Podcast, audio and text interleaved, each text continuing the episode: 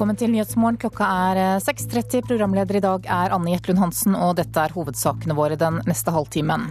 I Kenya blir det nå rapportert om skyting og eksplosjoner inne i Westgate-kjøpesenteret i Nairobi, der i underkant av ti mennesker fortsatt blir holdt som gisler.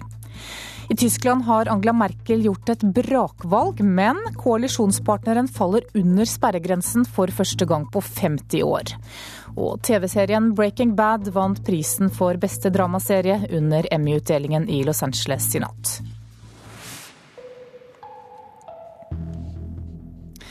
Aller først denne halvtimen skal vi til Kenya, for terrorangrepet på kjøpesenteret i Nairobi er fortsatt ikke over. I morges nå er det blitt skutt, og det er hørt eksplosjoner inne fra senteret.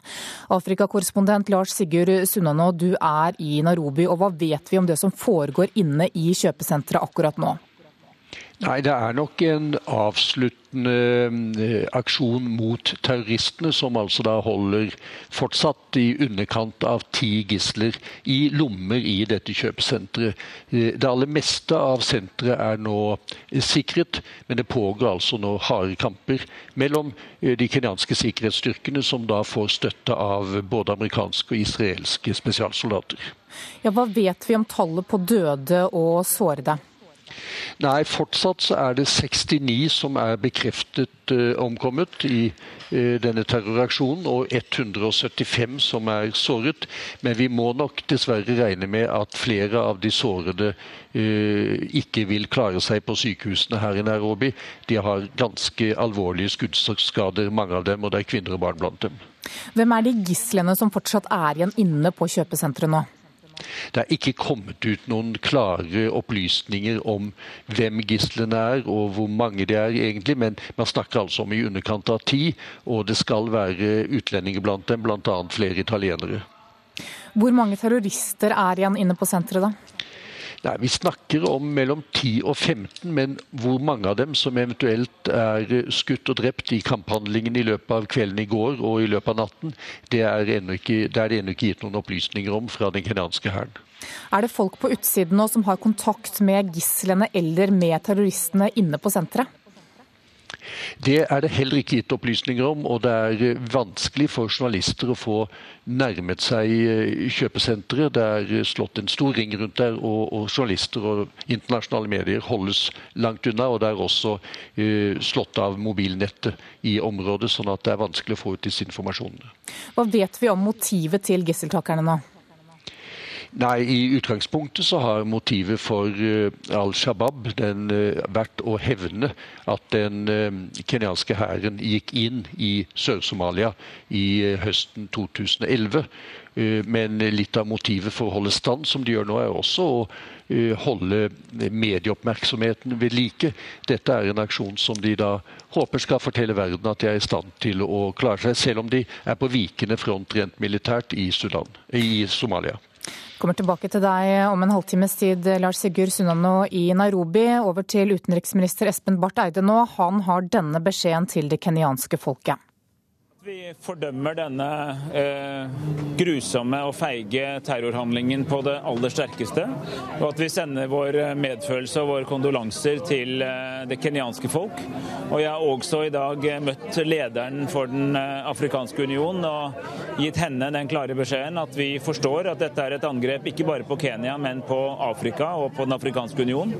Eh, og at eh, vår medfølelse og, og støtte eh, er hos dem. Hva kan du si om eh, mål, terroristenes mål?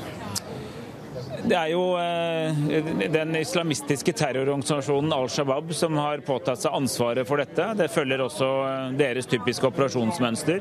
Det er ganske tydelig at det de ønsker er å skremme Kenya bort fra fortsatt å delta i Den afrikanske unions fredsopprettende styrke i Somalia.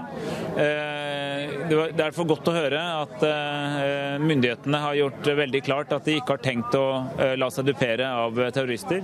For den innsatsen som eh, Den afrikanske union på vegne av FN gjør i Somalia, er veldig viktig både for Somalias folk, men også for hele regionen. Og Derfor er det viktig at den fortsetter. og Det er også noe jeg har uttrykt til lederen for Den afrikanske union i dag. Og reporter her, det var Anders Tvegård, og vi kommer tilbake til situasjonen i Kenya rett etter nyhetsoppdateringen klokka sju. 25 personer er så langt døde etter at tyfonen Usagi i natt traff den sørkinesiske provinsen Guangdong.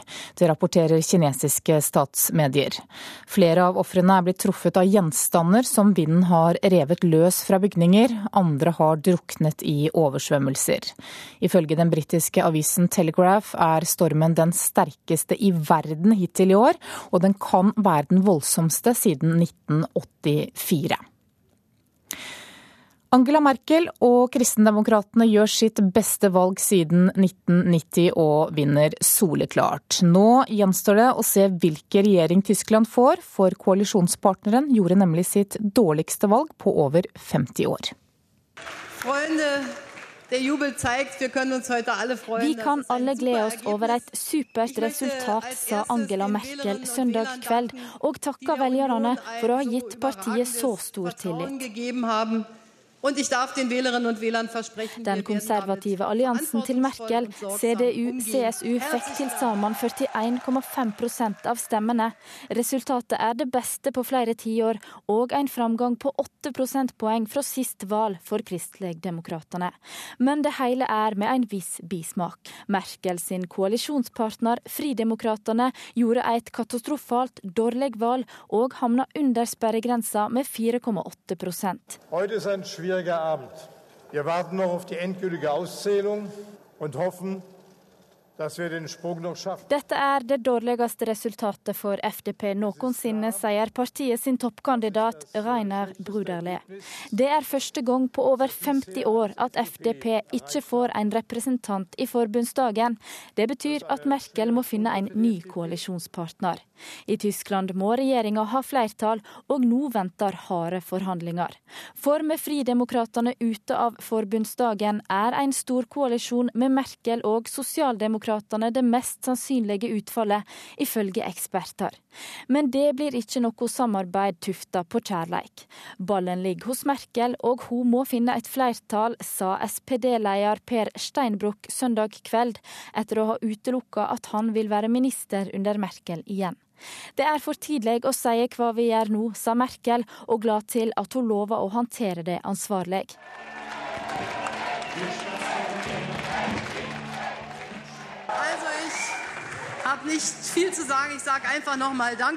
I dag feirer vi at det fins arbeid i morgen, sa hun, før hun feira sin tredje siger på rad. Reporter her, det var Eirin eh, Årdal. Da skal vi ta en kikk på dagens aviser og se hva de har på forsidene sine i dag. Terroren øker, er overskriften i Aftenposten. Al Shabaabs dødelige angrep i Nairobi i Kenya er et eksempel på at angrepene i regionen øker i antall og styrke, mener eksperter. Vårt Land har snakket med forsker Stig Jarle Hansen, som mener at angrepet i Nairobi kan få store ringvirkninger. Hansen mener terrorangrepet kan lamme landets turistindustri og utløse rasende hevnangrep på somaliere i Kenya. Det er full våpenstrid i Politi-Norge, ifølge Dagsavisen. Politifolk krever å få bære våpen, men flere politimestre sier nei. Og nå må den nye regjeringen ta stilling i konflikten. Erna under press, fastslår Dagbladet. Et stort flertall av Høyres tillitsvalgte vil ha en regjering med alle de fire ikke-sosialistiske partiene, og det legger enda mer press på Erna Solberg eh, for å få til en firepartiregjering. Dagens Næringsliv forteller at Gjensidige varslet Kripos etter at hackere satte nettbanken deres ut av spill. Stadig flere bedrifter blir utsatt for hackere, og angrepene blir mer alvorlige enn før, ifølge selskapet Evry. Det må bli flere fotobokser på Europavei 39, det sier politiinspektør Leif Ole Toppnes til Stavanger Aftenblad i dag. Han mener fartskontroller kan være med på å redde liv. Norske kommuner har rett til å komme inn og si sin mening om å bli slått sammen med en annen kommune. Det sier forsker og jurist Sigrid Stokstad i dag. I eh, norsk lov ligger det at vi må spørre innbyggerne, og det kan føre til et ras av folkeavstemninger, mener hun. Flittige elever vil få permisjon oftere, skriver Bergens Tidende. Fra 1.10 blir det slutt på å kunne ta barna ut fra bergensskolene utenom ferieukene. Men dersom en elev kan vise til god faglig utvikling, så kan det gjøres unntak fra den nye regelen. VG forteller historien om 16 år gamle Emilie Kalkenberg, som verken kunne gå, spise eller sove for fem år siden. På lørdag vant hun NM-gull i skiskyting på rulleski. Mens Nasjonen forteller at elgslakterne går mot en travel høst og øker kapasiteten nå før elgjakta. Samtidig planlegger Norgesgruppen å lansere eh, billigpris, nei, viltkjøtt til lavpris.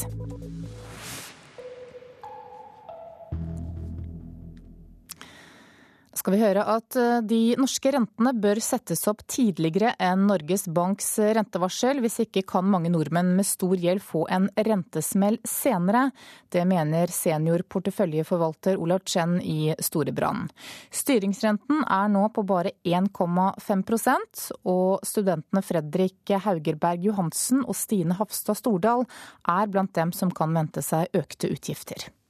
Viktig med litt god plass. Litt av grunnen til at det er så god plass her, er for de nyeste bygningene så er det handikap eh, tilrettelagt. Da. Jeg kan bo her lenge, så jeg tenker at her skal jeg sitte, sitte og den i rullestolen. Studentene Stine Hafstad Stordal og Fredrik Haugeberg Johansen kjøpte leilighet på Jessheim og er storfornøyd med det. De har tatt høyde for en renteøkning porteføljeforvalter Olav Skjenn i Storebrand mener bør komme raskere enn det Norges Bank varslet sist uke. Da meldte sentralbanken et lite rentehopp til sommeren, men renten bør opp lenge før det, mener Schen. Og risikoen tror jeg også er ikke at norsk økonomi vil tryne eller gå på en hard landing som mange prøver å tegne et bilde av nå. Jeg tror norsk økonomi klarer seg ganske bra. og da er det ikke noe vits, etter min mening, å ha et kriselavt eh, rentenivå når vi ikke har en krise eh, i økonomien. Mange markedsaktører tror prisene vil stige mer enn Norges Bank legger til grunn. Men det er stor usikkerhet nå, sier sjefanalytiker Erik Bruse i Nordea. Ja, Det største usikkerhetsmomentet er eh, prisstigningen. Den har tatt seg kraftig opp i det siste. og Hvis den fortsetter å stige, så kan eh, renteøkningen komme mye nærmere. Eh, så Det er jo en av de store usikkerhetsmomentene. Sist uke overrasket Norges Bank mange med å kutte mye i forventningene til økonomisk vekst fremover. Samtidig høynet sentralbanken prognosen for ytterligere rentehopp, men mindre enn mange i finansmarkedet hadde ventet.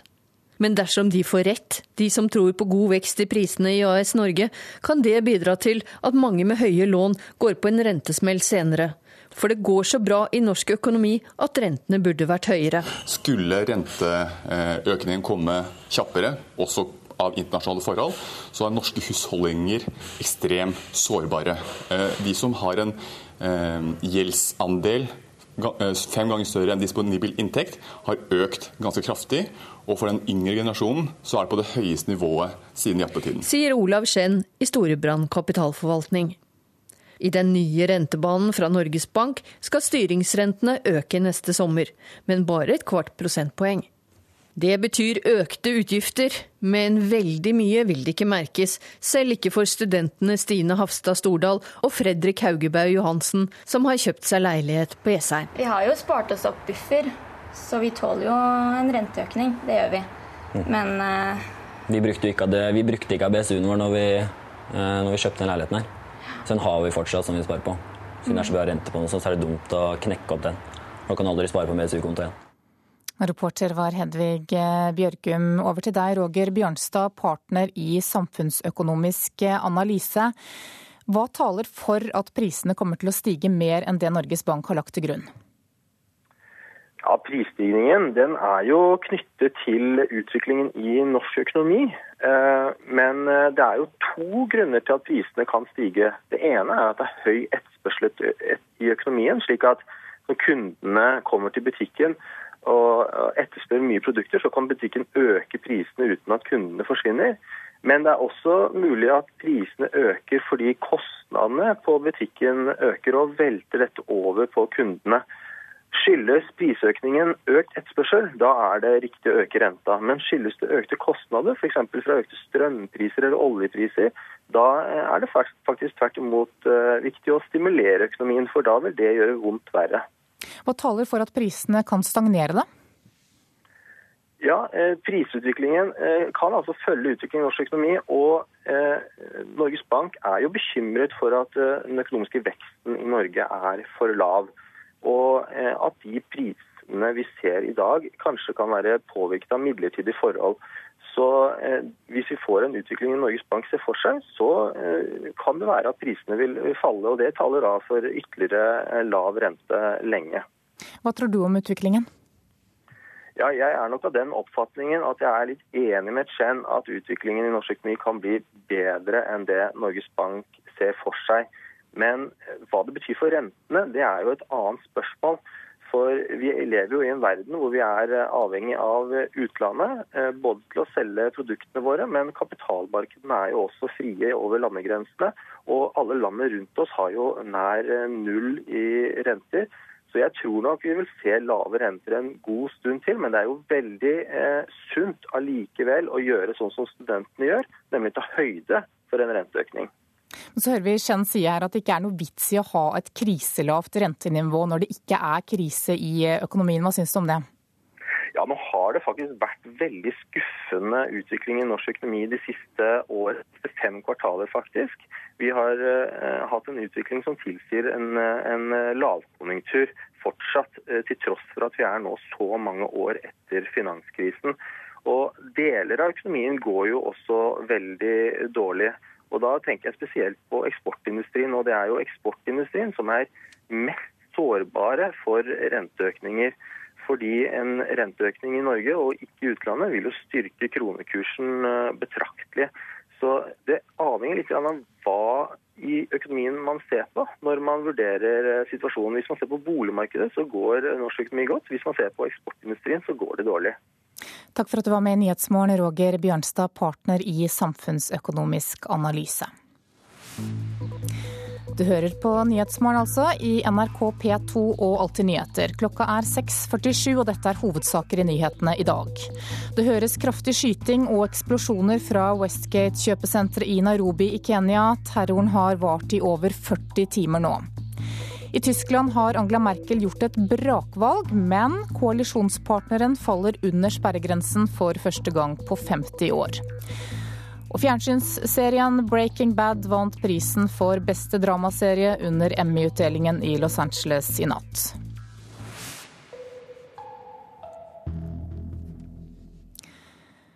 Mange av bekymringsmeldingene fra krisesentrene til barnevernet blir oversett, det sier Krisesentersekretariatet.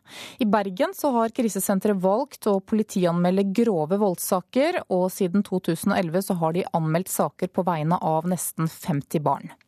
Jeg husker to små barn som fortalte om at far hadde stadig mishandla de. Han hadde slått de med pinner, Eh, banka de så de fikk store merker på kroppen. Hvert år er rundt 1800 barn innom krisesentrene i Norge. Disse to jentene kom til krisesenteret i Bergen i fjor sammen med sin mor. Therese Egelid, barnefaglig ansvarlig ved Bergen krisesenter, har siden 2011 politianmeldt grove voldssaker på vegne av 48 barn. Ved at vi har eh, anmeldt i forhold til barna, så har vi sikra at barnets rettighet og rettssikkerhet er blitt ivaretatt. Egelid sier at en av de viktigste årsakene er at barnevernet ofte ikke melder fra om vold til politiet.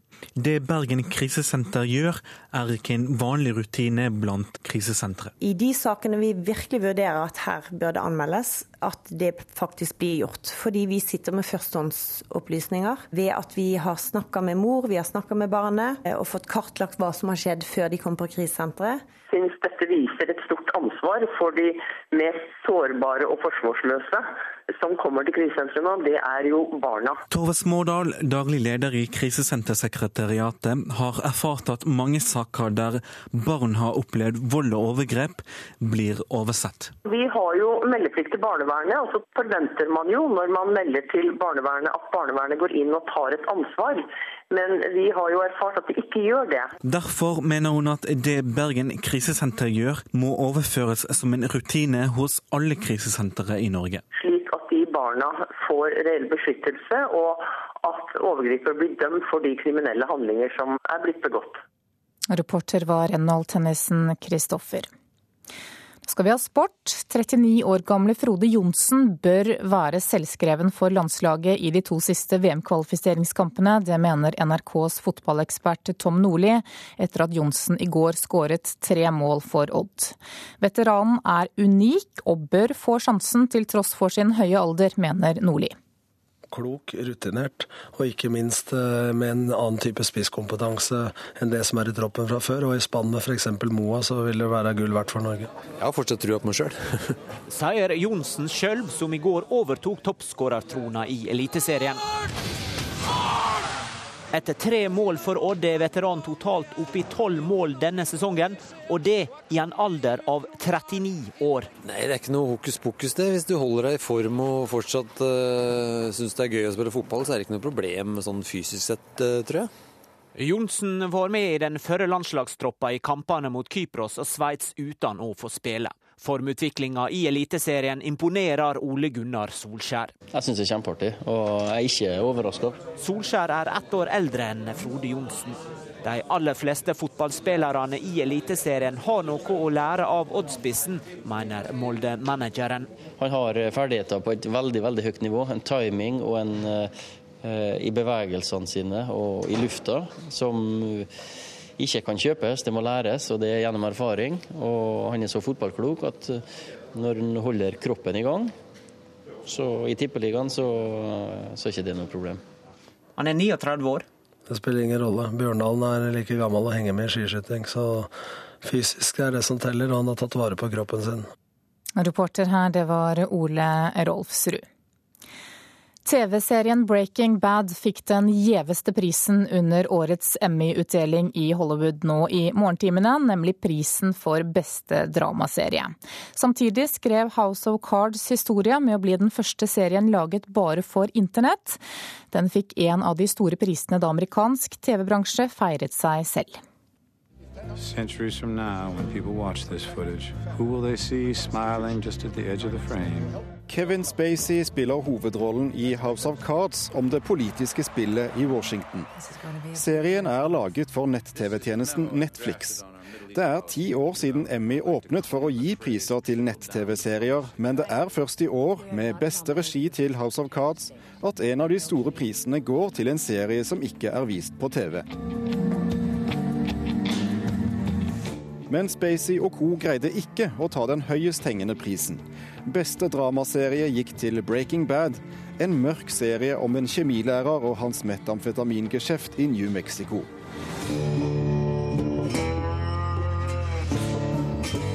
Claire Danes, Homeland. Wow, thank you, thank you. Um, I think all actors uh, know how indebted we are to our writers, especially in television. Claire Danes i Homeland fikk prisen for beste kvinnelige skuespiller i en dramaserie. Beste mannlige skuespiller i en dramaserie ble Jeff Daniels i The Newsroom. Game of Thrones, som på forhånd hadde 16 nominasjoner, fikk ingen av de store prisene. Heller ikke American Horror History, som hadde flest nominasjoner med sine 17, gjorde det så bra som enkelte hadde spådd på forhånd. For beste birolle for en miniserie ble den høyeste utnevnelsen under nattens utdeling i Hollywood. Our whole på komediefronten kunne en rørt Jim Parsons hente prisen for beste mannlige skuespiller i en komedie for sin rolle i The Big Bang Theory. Um, Uh, first, to have the chance to do this role in this show. Uh, thank you, Chuck Lorre, Bill Prady, Steve Malaro. Um, but secondly, to, to be here, to be a part of such a phenomenal group of people. Julia Louise Dreyfus ble beste kvinnelige komedieskuespiller for Veep, mens Modern Family ble beste komiserie på amerikansk fjernsyn.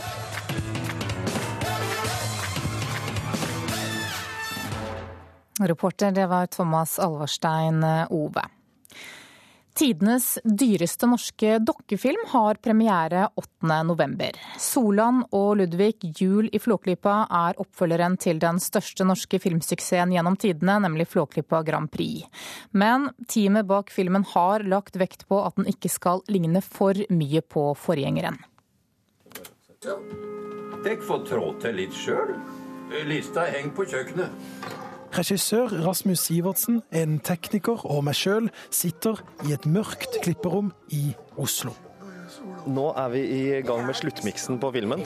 Eh, og det vil si at vi legger eh, sammen lyd og musikk og stemmer og avstemmer imot hverandre. De folkekjære karakterene Solan Ludvig og Reodor Felgen er i år tilbake i en helaftens animasjonsfilm. Og i registolen sitter Rasmus Sivertsen. Både jeg og teamet vi har holdt oss unna de gamle filmene. Vi har ikke sett på de. Vi har gått tilbake til bøkene til Kjell Aukrust og sett på hvordan han tegna karakterene. Eh, så, så, dette er på en måte et nytt uttrykk eh, for eh, publikum i forhold til hvordan de har sett ut før. Filmen er laget på samme måte som Flåklypa Grand Prix, der man tar bilde, beveger dukken, tar et nytt bilde, helt til filmen er ferdig. En animatør bruker en dag på å lage fire sekunder film. Sånn at Vi har jo da hatt fem animatører som har jobba eh, parallelt, og da lager jo de eh, 20 sekunder film om dagen. Altså, I dag Eh, er norsk animasjon blitt eh, noe som blir regna med ute i verden. Det sier Gunnar Strøm, som er førsteamanuensis i film og fjernsyn ved Høgskolen i Volda. Han mener vi bør satse enda mer på norsk animasjonsfilm fremover. Nå har norsk animasjonsfilm vist seg livskraftig, har internasjonal suksess. Eh, og animasjon Eh, reiser lettere over grensene enn hva realfilm gjør. Den er ikke like avhengig av språket. Den er ikke like kulturavhengig og kulturspesifikk i så måte. Sånn at det ligger et internasjonalt potensial i animasjonsfilmen. Og her ligger det en mulighet for å få norsk film ut, ut uh, i verden. Ja, nå er vi hjemme hos Reodor Solan og Ludvig. Det vi har gjort i denne filmen, er at vi har gitt karakterene enda mer dialekt enn de kanskje har hatt i de foregående filmatiseringen av Aukrust sitt univers. Eh, vi har gått tilbake til bøkene til Kjell eh, Aukrust og sett hvordan han skrev dialogen. Der er det mye dialekt. Så, så alle har fått et, eh, et dialektsnev, på alle karakterene. Nei, men hva skulle du i høyden da, Ludvig? Du som blir svimmel av på deg tjukke sokker. Og reporter her, det var Christian Ingebretsen. Hør ekko. Det snakkes alltid om bilen som et problem. Om køer, bomringer, utslipp og ulykker. Men bilen gir oss jo glede også, og flotte, annerledes opplevelser. Tenk på samværet og samtalene, eller stillheten, ensomheten og de lange tankene. En litt annerledes samtale om bil. Ekko 9 11 i NRK P2 skal vi se på et værvarsel som gjelder til midnatt. Fjellet i Sør-Norge kan vente seg nordvestlig liten kuling utsatte steder, regnbyger i nordvestlige og nordlige områder, ellers opphold og perioder med sol. Østland og Telemark oppholdsvær og perioder med pent vær. Agder nordvestlig opp i liten kuling på kysten vest for Lindesnes. Først på dagen kan hende litt regn på kysten i vest, ellers opphold og noe sol. Vestlandet sør for Stad enkelte regnbyger i Nordfjord, ellers stort sett oppholdsvær. Møre og Romsdal vestlig opp i stiv kuling på kysten i nord. I formiddag dreiende nordvestlig og litt minkende, og så er det ventet regnbyger. Sør-Trøndelag vestlig liten kuling, periodevis stiv kuling på kysten. Sent i formiddag dreining til nordvestlig frisk bris og regnbyger. Nord-Trøndelag vestlig frisk bris og regnbyger. Helgeland og Saltfjellet skiftende bris og enkelte regnbyger. Salten og Lofoten enkelte regnbyger. I ettermiddag etter hvert østlig bris med opphold og til dels pent vær. Ofoten og Vesterålen skiftende bris, senere østlig frisk bris utsatte steder, etter hvert stort sett pent vær. Troms lengst i nord opp i liten kuling, opphold og til dels pent vær. Kyst- og fjordstrøkene i Finnmark liten kuling utsatte steder. Enkelte regnbyger vesentlig i Øst-Finnmark, ellers til dels pent vær. Finnmarksvidda Nordøstlig bris og stort sett opphold. Og på Nordensjøland på Spitsbergen er det ventet minkende til sørøstlig bris og stort sett pent vær i dag. Så tar vi med temperaturene som ble målt klokka fem. Da hadde Svalbard lufthavn fire grader, Kirkenes seks, Vardø og Alta sju, Tromsø-Langnes seks, Bodø og Brønnøysund åtte, Trondheim-Værnes, Molde og Bergen-Flesland ni, Kristiansand-Kjevik 14, Gardermoen og Lillehammer seks. Røros fem, og på Oslo-Blindern så var det ni grader da klokka var fem i dag morges.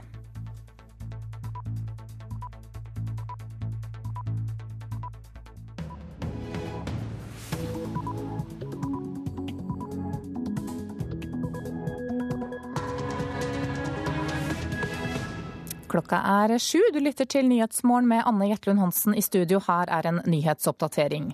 Terroraksjonen i et kjøpesenter i Nairobi i Kenya pågår fortsatt. 69 mennesker er bekreftet omkommet, og flere enn 150 er såret. Forbundskansler Angela Merkel er den klare vinneren av det tyske valget, men hun fikk ikke flertall alene og må nå jakte på ny koalisjonspartner.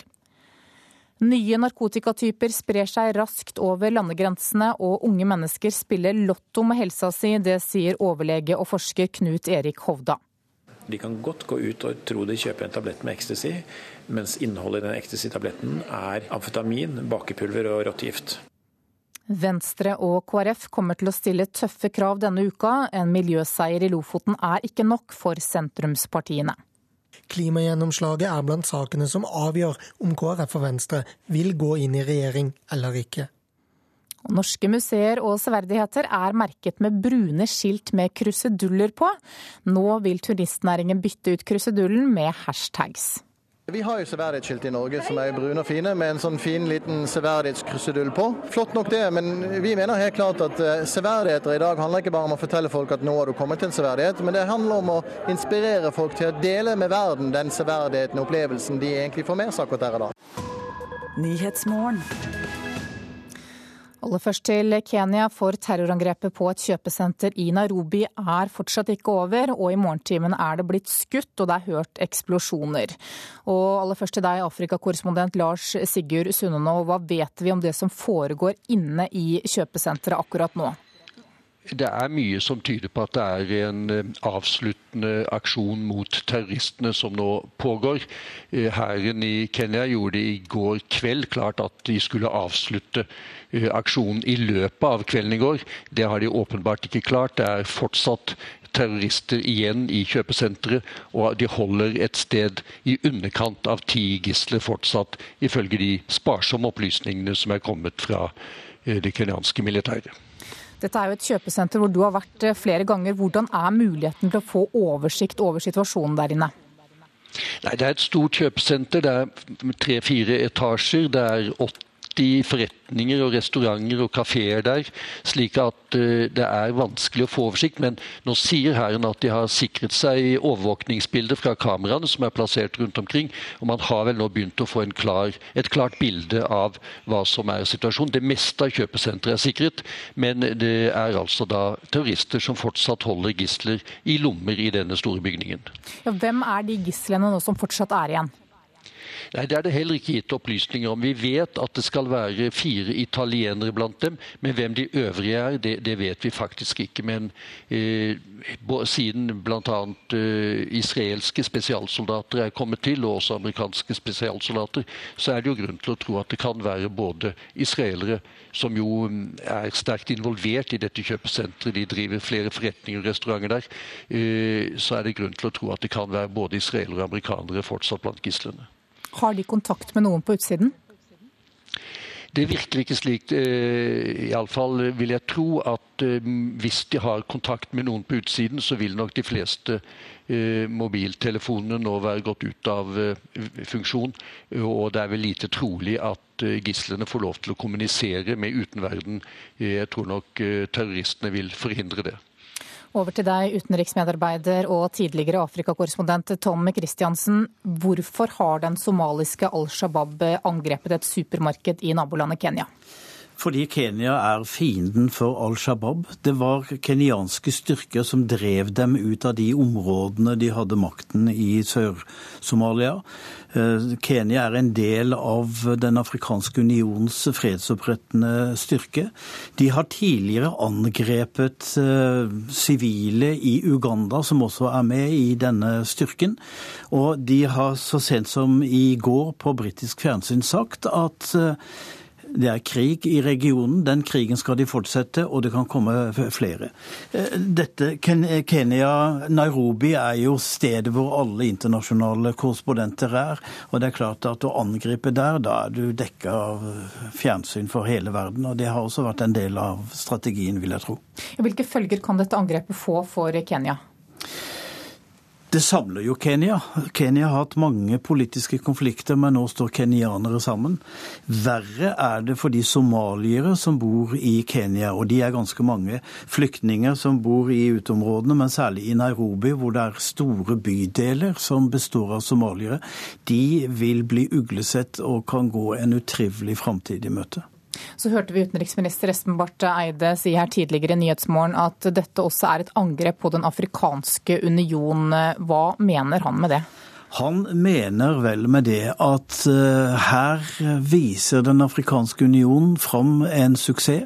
De har altså klart å etablere eh, og beskytte et styre i landet med president, regjering og parlament. Og det er jo dette som uh, Al Shabaab nå vil, vil erstatte med noe annet. De står for en islamistisk og en sharia-islamsk oppfatning av livet og hvordan samfunnet skal styre.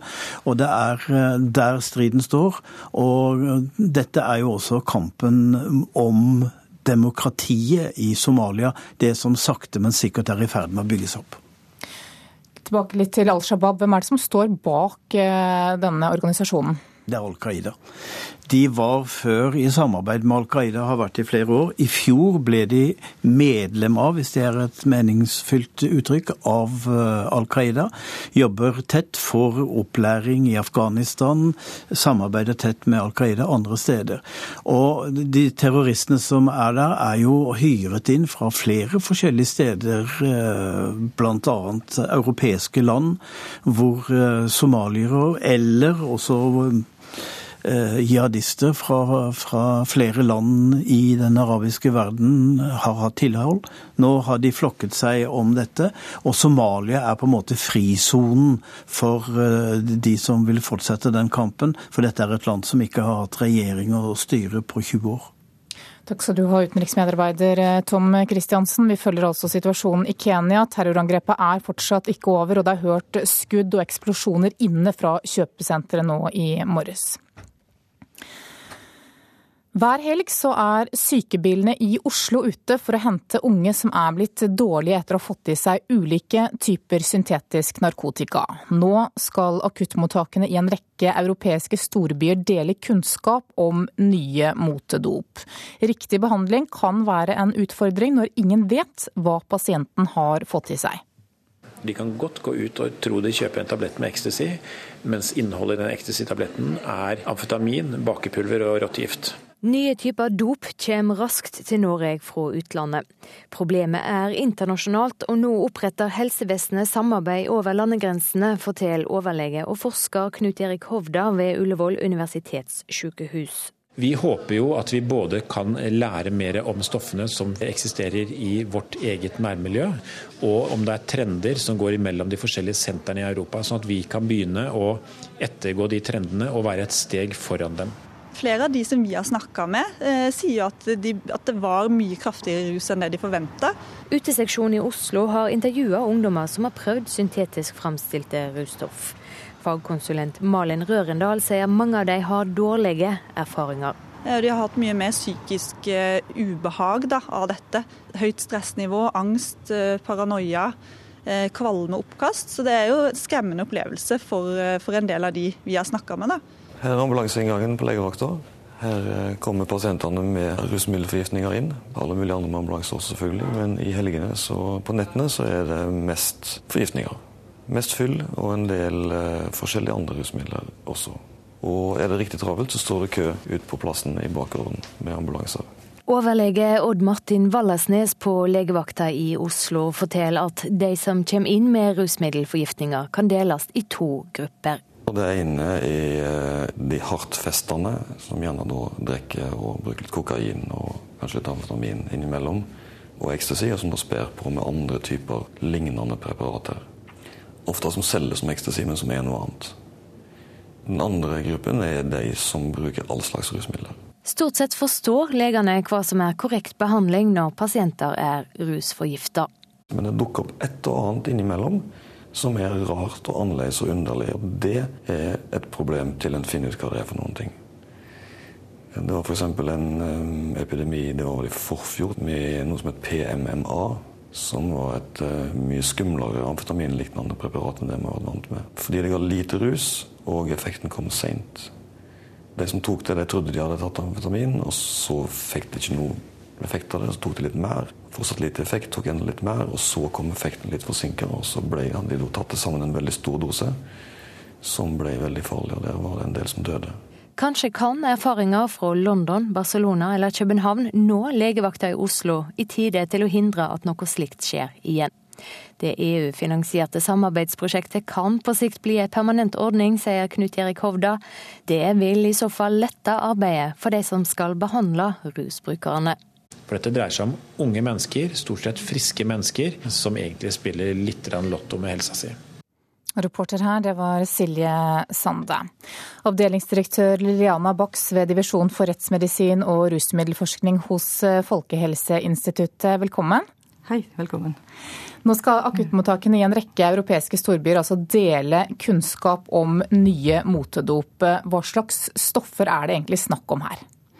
Det er mange forskjellige grupper. Altså, det er noen som ligner på cannabis, andre kan ligne på amfetamin, andre er mer eh, hallusinogene. Så det er veldig mange forskjellige grupper. Men, og innenfor grupper så er det jo ekstremt mange forskjellige stoffer. Nå snakker vi om tusenvis av ulike stoffer. Ja, hvor skadelige er disse stoffene? Disse stoffene er jo veldig problematiske. Eh, Bl.a. Eh, fordi vi kjenner dem lite. Og, og noe av det som, som, vi ser nå, det er ekstremt lett å overdosere. Det er stoffer som alle sammen kommer som pulver. Når du ser pulver, du vet ikke hva du, egentlig hva du får. Selv om du kjøper samme samme produkt fra gang til gang, så kan du få forskjellige innhold i det pulveret. Og dosering av disse forskjellige stoffene kan være veldig forskjellig. Noen trenger mer, andre trenger mindre. Så når du da ikke vet hva du får, så, så er det jo da veldig vanskelig å dosere. Og så er det svært, svært små doser som trengs for å få effekt. Jeg lurer på, Hvor ofte dukker det opp helt nye stoffer som dere ikke har hørt om før? Ja, hele tiden. Mm. Mange ganger daglig. Altså det er en ekstrem uh, bølge av nye stoffer som kommer over oss. Hvor kommer de fra? De kommer fra laboratorier rundt omkring i verden. Man vet ikke helt, men, uh, men det er uh, svær aktivitet på den fronten. Og Hvordan får dere da beskjed om hvilke motedop som er inn til enhver tid? Ja, det er en kjempeutfordring. Vi, vi har um, Folkehelseinstituttet analysert prøver fra um, sjåfører som har mistenkt for påvirket kjøring. Eh, da prøver vi å lete etter eh, hva som fins. Og så fra obduksjon, folk som har dødd i forgiftninger.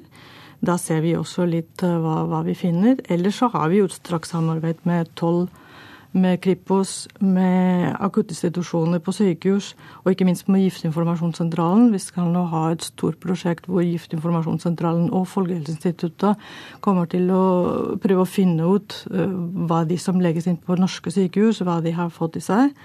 Eh, ellers så, så, har vi internasjonal eh, samarbeid. Vi er veldig mye ute sammen med, med andre søsterorganisasjoner ute i verden, i hele verden, og utveksler eh, informasjon om hva som da er i, i land.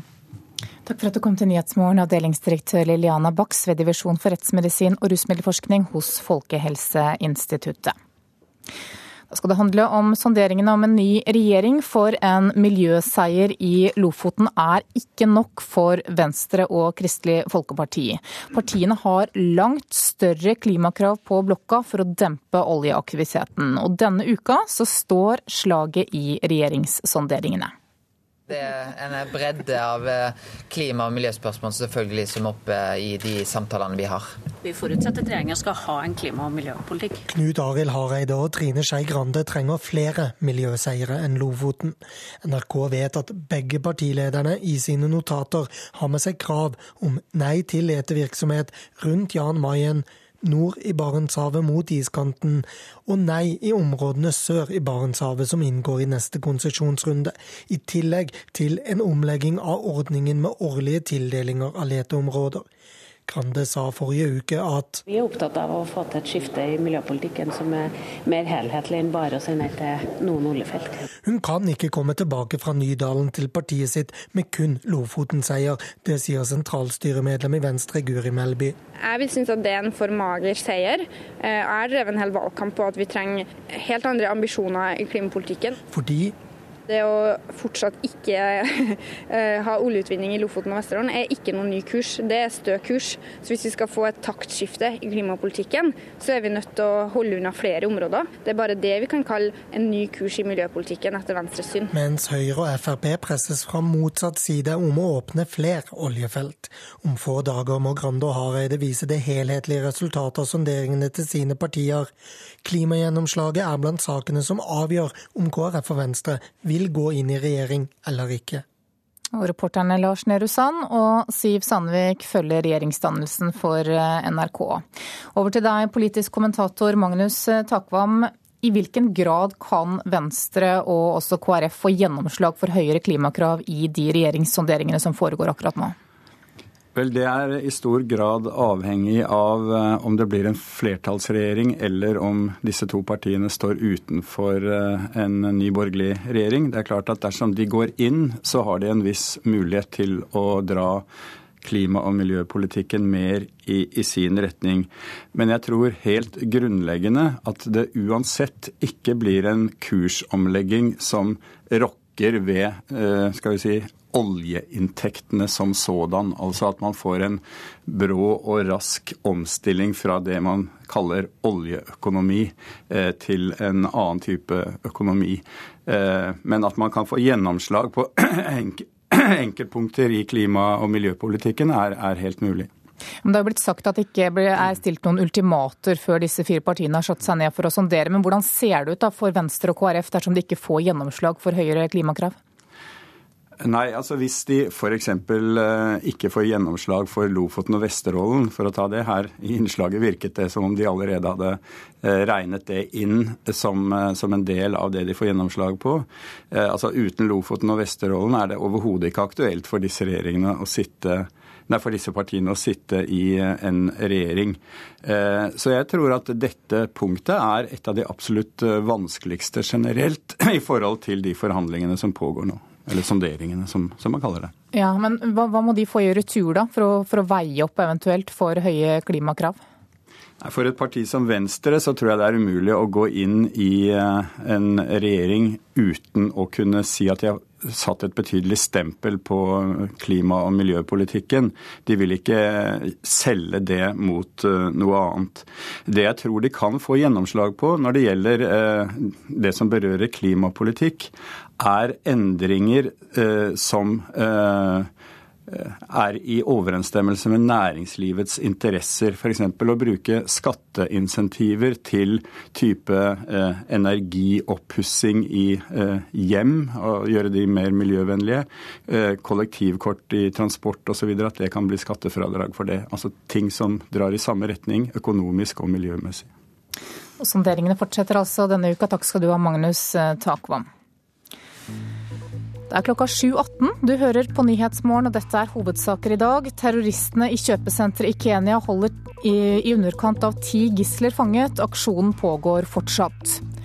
Nye narkotikatyper sprer seg raskt. Nå skal helsevesenet jobbe internasjonalt for å lære mer om motedop.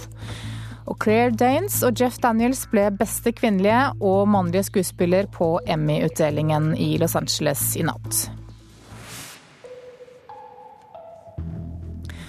Før vi skal dit, så skal vi til Tyskland, for forbundskansler Angela Merkel er den klare vinneren av det tyske valget, men hun fikk ikke flertall alene. Hennes konservative allianse fikk til sammen 41,5% av stemmene, viste resultatet da stemmene fra alle distriktene var talt opp. Also ich habe nicht viel zu sagen. Ich sage einfach nochmal Danke. Und wir haben gezeigt, allen ist zum Feiern zumute. Wir freuen uns, dass Heiner Geißler auch da ist. Alle Generationen.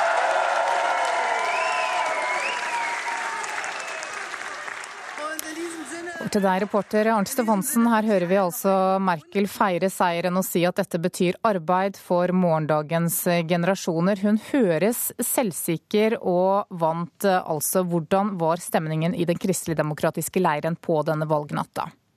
Det var en kjempestemning nede i CDU-hovedkvarteret i går kveld. Jeg må si alle de årene jeg har fulgt Andrea, eh, Angela Merkel, så har jeg aldri opplevd henne så, eh, så si, overstrømmende, morsom, vittig hun var virkelig i, i, i, i, slag i går kveld.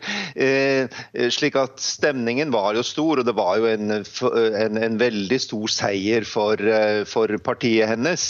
Eh, jeg vet ikke hvor lenge den festen pågikk, men da jeg forlot selskapet ved halv tolv-tiden, så var det i hvert fall eh, full, full, fest fortsatt. slik at det var jo en stor triumf for, for partiet.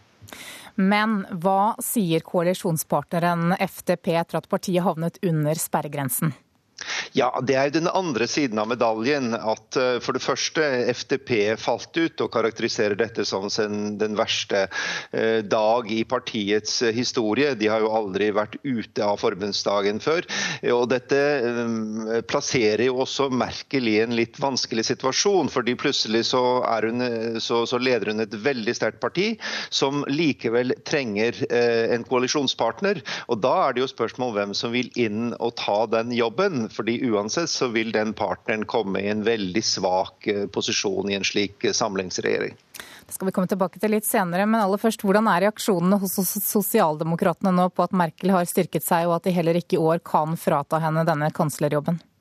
Ja, det er jo akkurat det som jeg var inne på. At eh, SPDs første reaksjon er jo det at eh, vi, vi er ikke veldig interessert i å gå inn i denne regjeringen. Vi har vært i en eh, samlingsregjering, en storkoalisjon før, og tapt mye på det.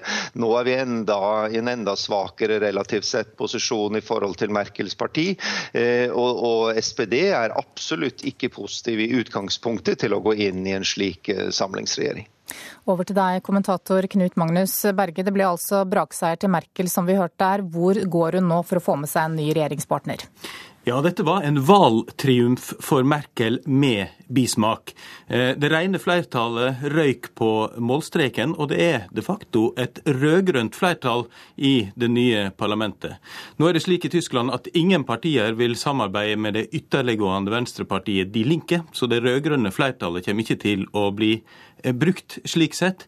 Men det fører til at Merkel må eh, i den rød-grønne leiren for å finne en koalisjonspartner. Da er det to muligheter. Enten parti, Miljøpartiet De Grønne. Det har aldri skjedd før at eh, de konservative og de grønne har danna en koalisjon. Så det mest sannsynlige er en ny storkoalisjon mellom Kristeligdemokratene og et eh, motvillig sosialdemokratisk parti. Hvordan kommer det eventuelt til å påvirke tysk politikk fremover? Det var jo en slik storkoalisjon eh, ledet av Angela Merkel mellom 2005 og 2009. Sosialdemokratenes erfaring med den koalisjonen var dårlige. De følte at eh, Merkel stakk av med æra for det som ble gjort, mens de sjøl gikk på sitt eh, største valgnederlag i 2009. Slik at jeg tror sosialdemokratene kommer til å selge seg dyrt i de regjeringsforhandlingene som nå etter alt å dømme kommer. Det kan gi endringer innenrikspolitisk i Tyskland ved at eh, de kommer til å stå hardt på kravet om minstelønn. Men kanskje mer interessant, det kan òg gi eh, bevegelse i europapolitikken til Tyskland. Sosialdemokratene har vært harde i sin kritikk av innsparings-, innstrammingslinja til Angela Merkel, der hun altså har krevd knallharde innstramminger i kriselandene i sør mot at de skal få hjelp fra EU. En oppmjuking her det vil merkes også i resten av Europa. Så hørte vi vår egen statsminister Jens Stoltenberg som gjentok flere ganger etter eh, stortingsvalget her for noen uker siden hvor vanskelig og nesten umulig det er å bli gjenvalgt for en tredje periode i Europa. Men nå har altså Merkel likevel klart dette her med glans. Hvordan har hun fått det til? Nå er ikke Norge Tyskland, eh, og Stoltenberg er heller ikke Merkel. I Tyskland er det lang tradisjon for stabile flertallsregjeringer. Hun blir nå eh, gjenvalgt for en tredje periode mange har, eller flere har sittet lenger enn henne, også etter at den perioden er fullført. Eh, samlingskansleren Helmut Kohl satt i 16 eh, år. Eh, slik at det er forskjellige tradisjoner i Norge og Tyskland. Men så skal en altså ikke undervurdere at tyskerne føler at Merkel har gjort en god jobb med å lose Tyskland trygt gjennom eh, euro Eh, krisa. Eh, økonomien går godt, arbeidsløysa er relativt eh, låg, og det er det hun nå får betalt for. Tilbake til deg, Arnt Stefansen i Berlin. Merkel kalte resultatet et superresultat. Hvordan kommenterer de tyske, de tyske mediene denne seieren? Ja, Man tar frem de helt store overskriftene her. Eh, den store konservative avisen Frankfurter Allgemeine Zeitung sier at dette plasserer Angela Merkel blant de helt store kanslerne i, i tysk eh, historie. Adenauer, Willy Brandt, Helmut Kohl og andre ledende medier, som f.eks. Süddeutsche Zeitung, skriver at det er en ny æra man snakker om her. Æraen med merkelisme. Og, og det Spiegel Spiegel eh, sin webutgave eh, kaller dette Merkel-republikken etter triumfen i går. Takk skal du ha, Arnt Stefansen og Knut Magnus Berge. Da skal vi ta en kikk på dagens aviser og se hva de har på forsidene sine i dag. Terroren øker, er overskriften i Aftenposten. Al Shabaabs dødelige angrep i Nairobi i Kenya er et eksempel på at angrepene i regionen øker i antall og styrke, mener eksperter. Og Vårt Land har snakket med forsker Stig Jarle Hansen, som mener at angrepet i Nairobi kan få store ringvirkninger. Han mener terroraksjonen kan lamme landets turistindustri og utløse rasende hevnangrep på somaliere i Kenya. Det er full våpenstrid i Politi-Norge, ifølge Dagsavisen. Politifolk krever å få bære våpen, mens flere politimestre sier nei. Og nå må den nye regjeringen ta stilling i konflikten. Erna under press er overskriften i Dagbladet. Et stort flertall av Høyres tillitsvalgte vil ha en regjering med alle de fire ikke-sosialistiske partiene med. Dagens Næringsliv forteller at Gjensidige varslet Kripos etter at hackere satte nettbanken deres ut av spill. Stadig flere bedrifter blir utsatt for hackere, og angrepene blir mer alvorlige enn tidligere, ifølge selskapet Evry.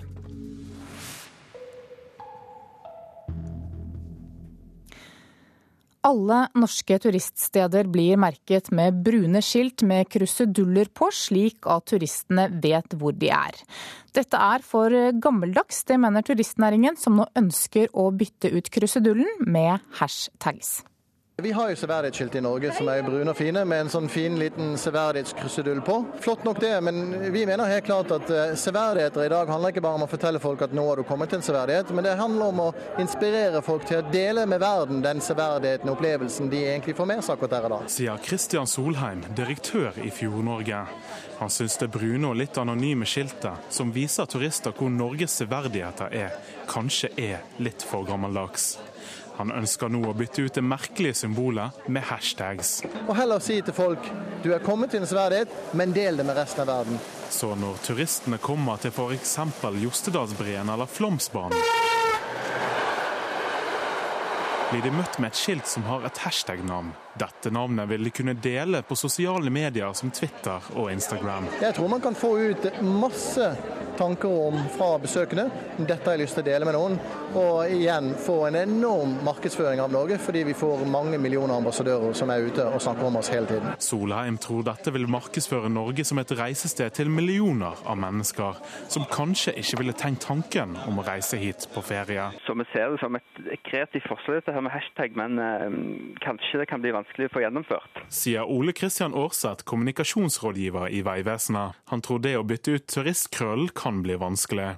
For symbolet er verdenskjent, og turistene vet hva det betyr. Severdighetsskiltet er et internasjonalt skilt som er brukt eh, over hele verden. og Derfor så er det eh, ikke så lett å forandre på det i Norge. Men eh, per dags status så ser ikke vi i Vegvesenet noe behov for å forandre på det eksisterende skiltet. Han opplyser også at det er mulig å søke om en forandring.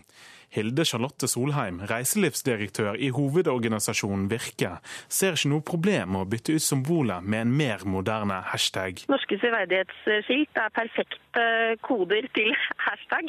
Passer godt for å sjekke inn men da trenger man å komme seg online. Hun tror den største utfordringen med et slikt skilt er at det er for dårlig mobildekning og nettilgang her i landet, særlig der hvor turistattraksjonene er. Både 3G og god bredbåndsdekning er helt nødvendig for turistbedrifter for at de skal få hevde seg i den virkeligheten som er der ute. Og reporter her, det var eh, Sindre Sunde Tveit. Du lytter til Nyhetsmorgen. Straks skal du få Dagsnytt 7.30. Eh, I Politisk kvarter så er det Mongstad som er stikkord denne morgenen. Produsent for Nyhetsmorgen i dag heter Ulf Tannesfjell, og her i studio Anne Jetlund Hansen.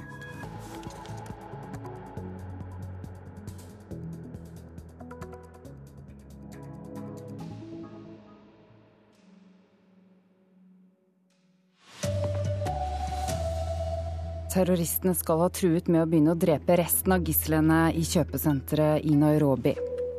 Nye typer narkotika sprer seg så raskt at helsevesenet må jobbe over landegrensene. Nettserie skrev historie da TV-bransjen feiret seg selv i Hollywood i natt. Her er NRK Dagsnytt klokken 7.30.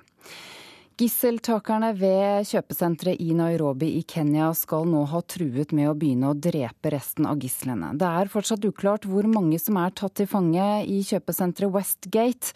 Afrikakorrespondent Lars Sigurd Sunnanå, du er i Nairobi. Hva vet du om det som skjer akkurat nå inne på kjøpesenteret? Nei, Gisseltakerne skal holde i underkant av ti gisler fortsatt inne i kjøpesenteret, og det går nå mot et uh, avgjørende oppgjør mellom kenyanske sikkerhetsstyrker som støttes av amerikanske israelske spesialsoldater. Og det er vel fare for at dette kan bli blodig utover formiddagen. I går kveld så varslet den kenyanske hæren at de ville ha unnagjort hele operasjonen i løpet av kvelden. Det har de ikke lykkes med, men, og det er jo rapportert kraftig skuddveksling der nå i morgentimene i dag. Det kommer altså meldinger nå om at terroristene skal ha truet med å drepe resten av eh, gislene. Hva vet du om det? Nei, Dette er ikke overraskende. Det er uh, hensynsløse terrorister som er inne i uh, kjøpesenteret. Al Shabaab er kjent for å være svært brutale, og de dreper gisler på denne måten. Så dette kommer ikke overraskende. Hva ønsker terroristene å oppnå? Ja, først og fremst så er dette en hevnaksjon fordi den kenyanske hæren gikk inn i Sør-Somalia og drev Al Shabaab ut av den viktige havnebyen Kishmayo. Eh, for eh, da, Hæren gikk inn da for, for eh, i høsten 2011 og lyktes da å drive Al Shabaab ut et år senere. Men, men, det er også for å skaffe internasjonal oppmerksomhet og vise at organisasjonen, den islamistiske opprørsbevegelsen, er i stand til å gjennomføre drepende og dødelige aksjoner i Kenya og også andre steder i verden, som f.eks. i Uganda under fotballverdensmesterskapet i Sør-Afrika for et par år siden. Takk til deg, Afrikakorrespondent Lars Sigurd Sunnanå. For vi skal hjem igjen og høre at hver helg henter sykebilene i hovedstaden unge som har blitt dårlige etter å ha fått i seg syntetisk narkotika. Nå skal akuttmottak i flere europeiske storbyer dele kunnskap om ny motedop. Riktig behandling kan være en utfordring når ingen vet hva pasienten har fått i seg. De kan godt gå ut og tro de kjøper en tablett med ecstasy, mens innholdet i den ecstasy-tabletten er amfetamin, bakepulver og rottegift. Nye typer dop kommer raskt til Norge fra utlandet. Problemet er internasjonalt, og nå oppretter helsevesenet samarbeid over landegrensene, forteller overlege og forsker Knut Erik Hovda ved Ullevål universitetssykehus. Vi håper jo at vi både kan lære mer om stoffene som eksisterer i vårt eget nærmiljø, og om det er trender som går imellom de forskjellige sentrene i Europa, sånn at vi kan begynne å ettergå de trendene og være et steg foran dem. Flere av de som vi har snakka med, eh, sier at, de, at, det var mye kraftigere rus enn det de forventa. Uteseksjonen i Oslo har intervjua ungdommer som har prøvd syntetisk framstilte russtoff. Fagkonsulent Malin Rørendal sier mange av de har dårlige erfaringer. De har hatt mye mer psykisk eh, ubehag da, av dette. Eh, som stress, høyt stressnivå, angst, eh, paranoia, kvalme oppkast. Så det er jo en skremmende opplevelse for, for en del av de vi har snakka med. da. Vi har ikke mulighet til å måle på disse stoffene, så vi må behandle dem ut fra symptomene deres. Og Det klarer vi stort sett der og da. Vi har lite dødsfall der og da, men vi vet lite om hva som kommer i, i kjølvannet av dette. Håpet er at det EU-finansierte samarbeidsprosjektet på sikt kan bli en permanent ordning.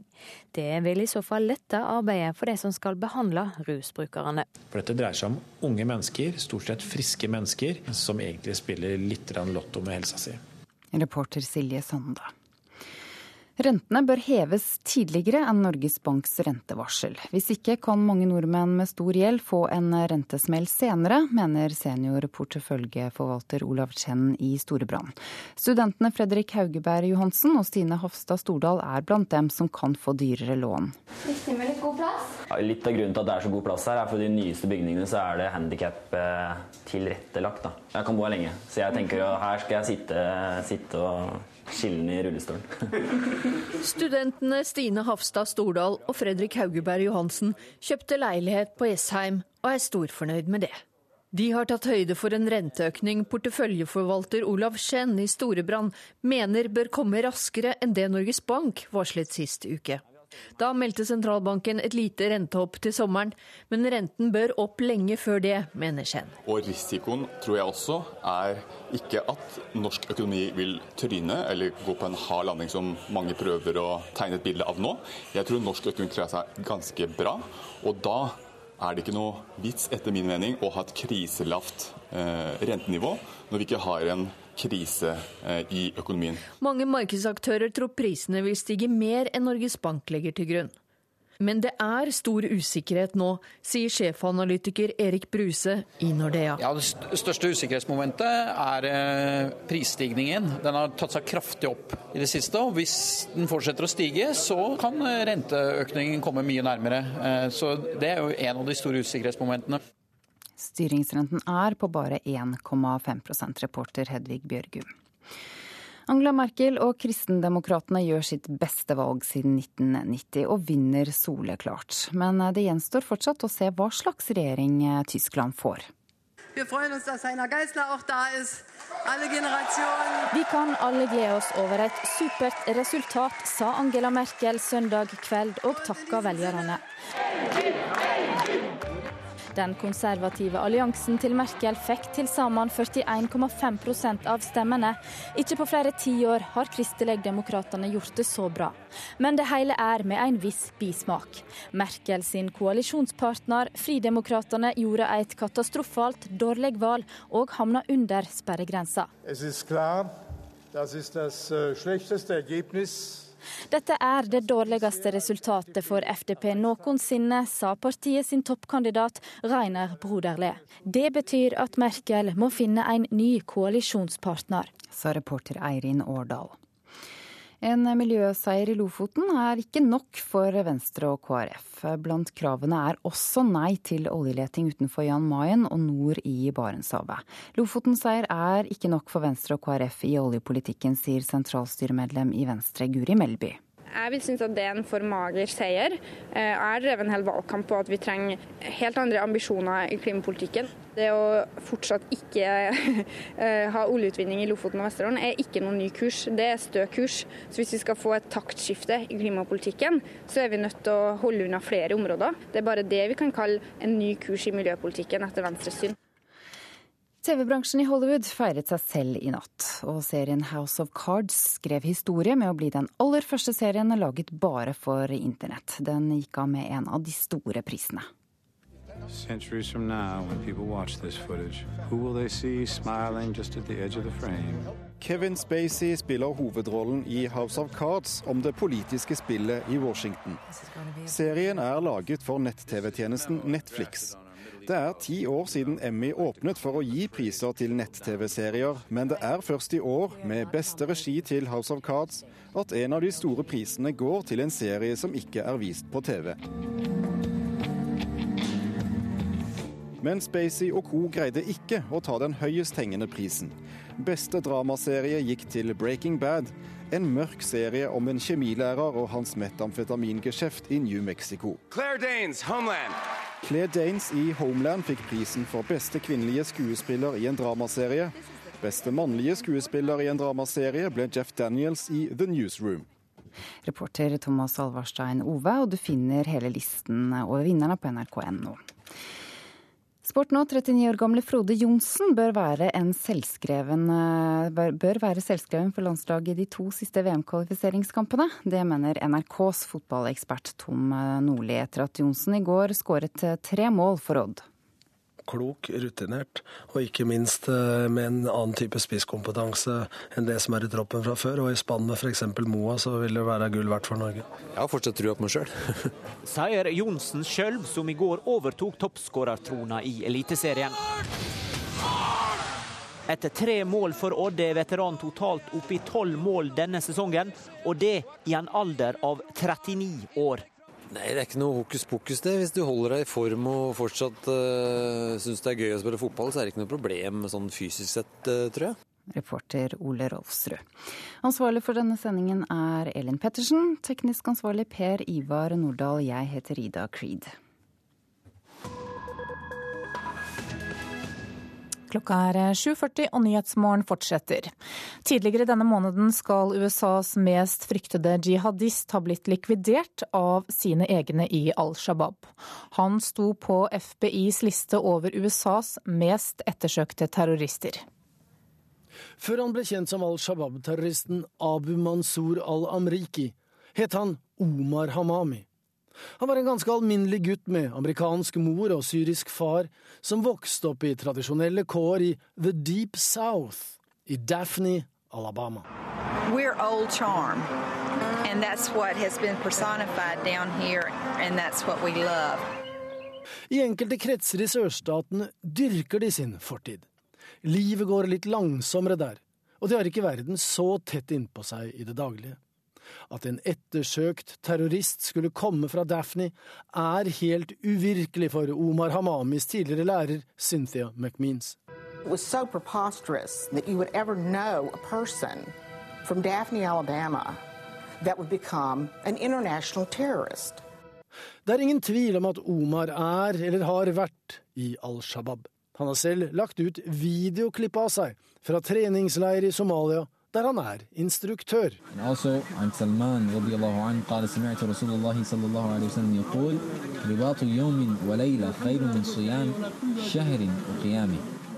Omars bakgrunn gjorde at han steg raskt i gradene etter at han sluttet seg til den somaliske terrorgruppen i 2006. Han snakket engelsk, hadde et vinnende vesen og behersket internett. Han lagde oppbyggelig musikk som han la ut på YouTube og ble kalt jihadist-rapperen. Blow by blow, crime by crime, only gonna add to my avenging rhymes. Invasion by invasion, attack by attack, only gonna bring sweet honor back.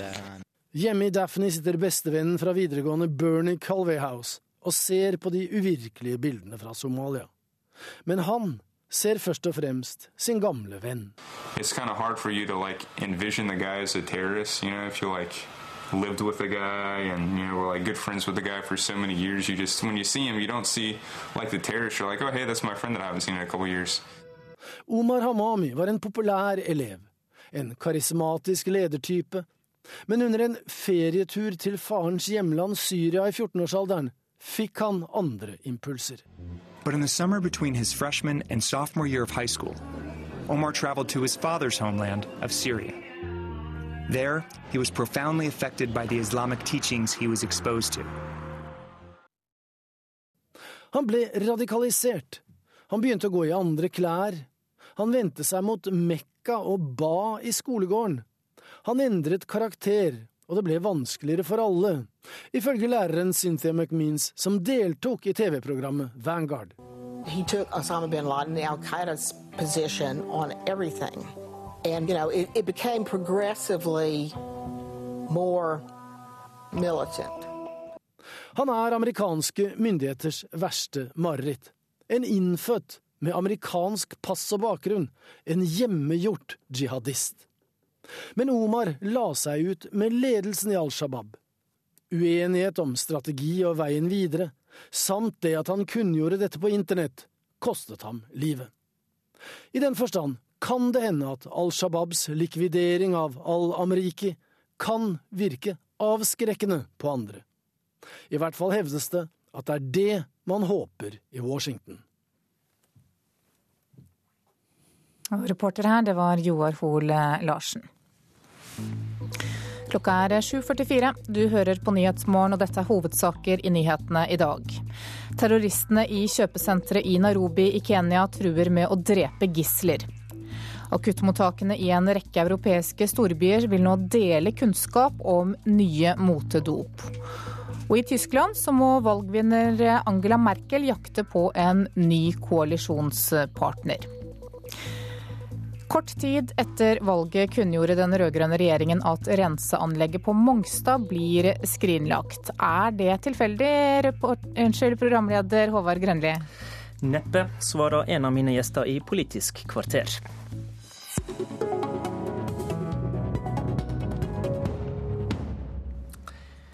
På Mongstad spyr gasskraftverket ut CO2 til atmosfæren. Vi skulle fange CO2 og renske den, og slik minske klimautslippene. Det var den rød-grønne regjeringa sin store klimavisjon, men det viste seg altså å være vanskelig. 9.9 var det valg. Tirsdagen ei uke etter valget kom Riksrevisjonen med en kritisk rapport om kostnadsauken og risikostyringa. Og fredag ettermiddag hasteinnkalla regjeringa til pressekonferanse og fortalte at planene om fullskalarensking på Mongstad blir skrinlagt. Det er du, Ketil Solvik-Olsen, nestleder i Frp, som mener dette ikke er helt tilfeldig. Hva mønster mener du å se? Nei, dette, dette, Å komme med en sånn nyhet bare kort tid etter valget, når en vet hvor lenge de har jobbet med budsjettet, hvor gammelt dette prosjektet er, så, så framstår det som veldig lite tilfeldig at en holder denne nyheten til etter valget. Jeg er ganske sikker på at hadde dette blitt en del av valgkampdebatten, så hadde Jens Stoltenberg fått seg en enda sterkere smell. SV hadde sannsynligvis havna under sperregrensa, fordi at dette viser jo bare at de store løftene til denne regjeringen ikke har blitt innfridd. Klimadebatten ville fått et helt annet perspektiv, der vi gjerne kunne slutta å snakke om hvor mye en lover, og heller hva en får gjennomført. Og da har jo denne regjeringen lite å vise til. Hvordan kan du vite at de visste nok om dette før valget til å fortelle det? da? Fordi at denne, dette, Her repeterer de det de gjorde i 2009. Da òg kom det en nyhet rett etter valget var over, at Mongstad ville bli utsatt.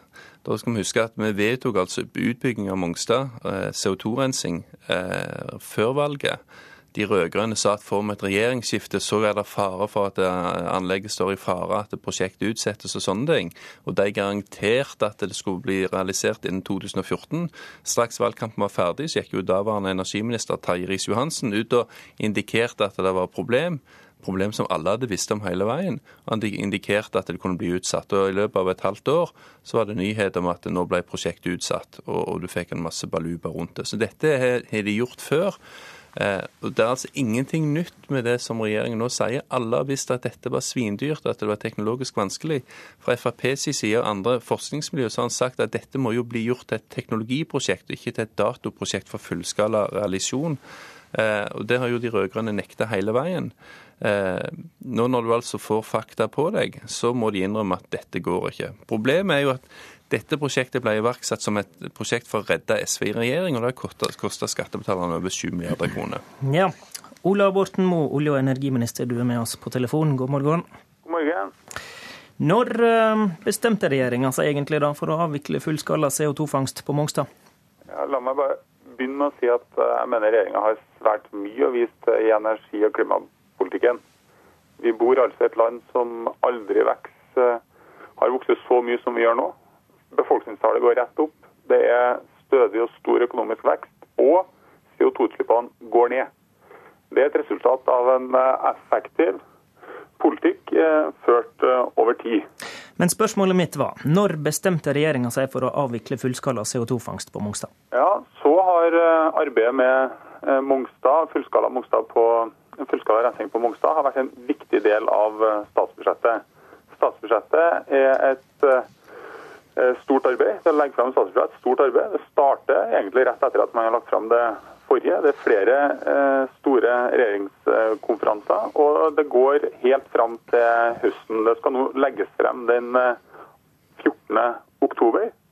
Eh, så det gode spørsmålet er egentlig hvorfor vi ikke la fram denne saken i forbindelse med fremlegging av statsbudsjettet 14.10, og, nå, og tok det nå. altså Rett og slett fremskynda dette noe. og Årsaken til det er at vi har mange partnere i dette prosjektet, både nasjonalt og internasjonalt.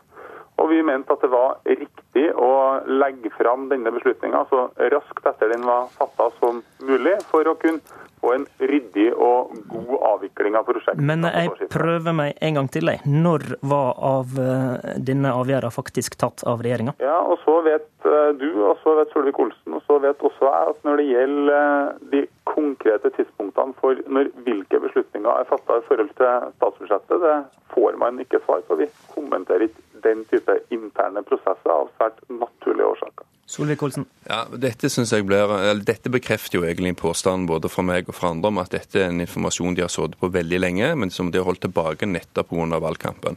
Statsministeren har altså reist land og strand rundt med lekkasjer både i million- og milliardklassen om alt mulig som denne regjeringen nå plutselig skulle gjøre hvis de bare fikk lov til å fortsette. Vi vet at eh, Stoltenberg allerede før sommeren var ute og lovte at han skulle bruke 50 milliarder kroner mindre enn handlingsregelen. Altså Allerede da hadde de fått de sterke konturene over hva de skulle bruke penger på og ikke bruke penger på. Og Det tilsier jo at dette er noe de har visst lenge. Og Da har de drevet valgkamp under falsk flagg, når de har gitt inntrykk av at det som skjer på Mongstad var viktig greie og viktig skille mellom en borgerlig regjering og, en, og dagens regjering. Og det, det, det, er veldig typisk for alle oss som har vært med og kjent denne prosessen siden den starta i 2006. Dette var jo ikke et prosjekt som de rød-grønne hadde planlagt fra starten av, men det var en dyd av nødvendighet når raffineridebatten på Mongstad kom opp sommeren 2006 og SV ikke ville sitte i regjering lenger. Da måtte de få et prosjekt som måtte skapte en legitimitet for at du fikk bygge gasskraftverk uten rensing fra dag én. Vi går ikke helt tilbake til 2006, men Borten Moe, er det gjort det her, det her, taktiske vurderinger nå? Det her må jeg få kommentere. fordi at Det jeg sa i mitt svar, var at eh, det var riktig og viktig, og vår vurdering, at vi gikk ut med denne informasjonen så fort som mulig etter at den endelige beslutninga ble tatt. Så får ikke meg til å oppgi dato og klokkeslett, men det ligger jo da i sakens natur at dette gikk vi ut med eh, veldig tett etter at eh, den endelige beslutninga ble tatt. Så er ikke eh, noe spesielt og noe skummelt og noe rart knytta til at det blir tatt store beslutninger i sluttarbeidet med statsbudsjettet. Sånn har det alltid vært, og sånn vil det alltid være. Rett og slett fordi at statsbudsjettet legges frem 14.10. Det jobbes med hele tida. Og det er en prosess som er full av større og mindre store og viktige avgjørelser. Så her er det, her er det ikke gjort noen Ola Borten Moe, så her er det ikke gjort Hør på meg. Eh, så her er det ikke gjort noen taktiske vurderinger i forhold til valgkampen, da, sier du? Ja, I den grad at man kan si at et eh, statsbudsjett ikke inneholder politiske og taktiske eh, vurderinger, så eh, står jeg på mitt og mener at dette har vært en del av en ordinær statsbudsjett statsbudsjettsprosess, der det alltid vil være sånn at det vil bli fatta store og små, viktige og mindre viktige avgjørelser hele tida. Denne gikk ut med eh, eh, ja, Ketil, eh, umiddelbart i etterkant av at den faktisk eh, var fatta. Ketil Solvik-Olsen, nå har jo faktisk de rød-grønne tatt den pinlige pressekonferansen og gjort budsjettkuttet, mens neste regjering da får frigjort midler og kan bestemme hvor et nytt renseprosjekt skal ligge. Er ikke det egentlig en gavepakke, da? Vet, egentlig så er det jo SV skulle være her og svare for det. For det var de som trumfa gjennom dette. Men grunnen til at dette ble utsatt etter valget, det er jo ikke fordi at det tok tid å ta beslutninger i regjering. Dette handler jo om at dette var Stoltenbergs definerte månelandingsprosjekt. Dette var den største symbol- og prestisjesaken han hadde. Det som er fordelen for regjeringen med å gjøre denne endringen nå, det er jo at de nå kan frigjøre et par milliarder kroner sannsynligvis som de ikke hadde trengt å avsatt til et renseanlegg, og heller bruke de på andre ting. Så dette er litt av den der uh, greia der de reduserer handlingsrommet til en ny regjering. De har visst at Frp og opposisjonen generelt har ønska å ha dette prosjektet på en annen måte. Ta i bruk de private selskapene, Siemens, Sargas og andre, som sier de kan gjøre dette langt bedre, langt billigere og sannsynligvis raskere enn det regjeringen har lagt opp til på Mongstad. Sånn at regjeringen kommer oss nå for så vidt i møte, og det er hyggelig. Det var Måten det skjer på, viser jo at du har hatt en eh, regjering som har brukt Mongstad-saken strategisk i valgkampen. Må unnlate å informere om de problemene som de visste eksisterte. Unnlate å informere om at prosjektet ville bli skrinlagt. For det er jeg ganske sikker på. Det ville påvirke mange miljøvelgere til å tenke annerledes, når SV ikke lenger kunne springe rundt og skryte av hva de har gjort, men faktisk sett at en av de største løftene de har kommet med, en av de dyreste tingene de har gjennomført, ikke eh, ville bli realisert. Sånn at egentlig, Jeg tror Ola Borten Moe her har alt på det, på det rene, men det er SV som burde vært her og svart for fadesen. Ola Borten Moe. Ja, punkt én. Eh, Mongstad har ikke vært en veldig viktig del av denne valgkampen. Punkt to. Jeg mener at hver regjering har ikke bare mulighet til, men også en plikt til å gå gjennom alle prosjekt til enhver tid. og Hvis man mener at de er dårlige, så skal de termineres. Og punkt eh, tre, la det ikke feste seg et inntrykk av at dette har vært eh, bortkasta penger. Vi har altså bygd, vi har brukt 7,2 milliarder disse årene på CO2-fangst og -lagring. Over fem av dem har gått til bygging av verdens største, mest moderne og avanserte CO2-laboratorium på Mongstad, testsenteret. Det skal utvides og drives videre. Mye av den kunnskapen vi har henta inn ellers, de ressursene vi har brukt, kan vi bruke til andre ting. Altså, Vi har aldri visst så mye om hvordan man fanger CO2, hvordan man transporterer CO2 og hvordan man lager CO2. Dette er et arbeid som også den neste regjeringa er nødt til å fortsette med. Solvik-Olsen, vil dere det? Ja, det har denne, disse fire opposisjonspartiene som skal i regjering, det har vi sagt hele veien at vi ønsker å være med på teknologiutviklingen. Ja. Vil Frp også ha et nytt anlegg på plass innen 2020, som nå er regjeringa sin plan? Altså, noe av det verste denne regjeringen har gjort med seg selv, er jo nettopp å tallfeste, datofeste ting. De Erna. Erna Solberg stadfesta det målet? Jo, men de har, lovfest, de har lovt at det skulle stå fullskala rensing til 2014. Det var noe de gjorde for at SV trua med Gud av regjering hvis de ikke fikk det til. Mm. Alle som kan teknologien, vet at det vil være praktisk umulig, men de har likevel forplikta seg til det. Og Det som er galskapen i å gjøre det, det er jo at du bruker masse politisk energi, du bruker mye av skatteplanens penger på å prøve å innfri et mål som alle vet er umulig å nå. Og Da er det bedre å ha en teknologi, teknologiordning der du ikke datofester når det skal skje, men der du tar i bruk alle gode krefter. Nå ser, men, unnskyld, unnskyld, nå ser vi at, at Sargas, som er det norske selskapet som mange ganger har prøvd å få bygge gasskraftverk med rensing i Norge, nå gjør det i USA sammen med General Electric. Jeg tror ikke dette er umulig på noen måte, men jeg tror du kan gjøre det bedre og billigere enn denne regjeringen, og det er regjeringens Takk. problem. Takk til Ketil Solvik-Olsen og Ola Borten Moe.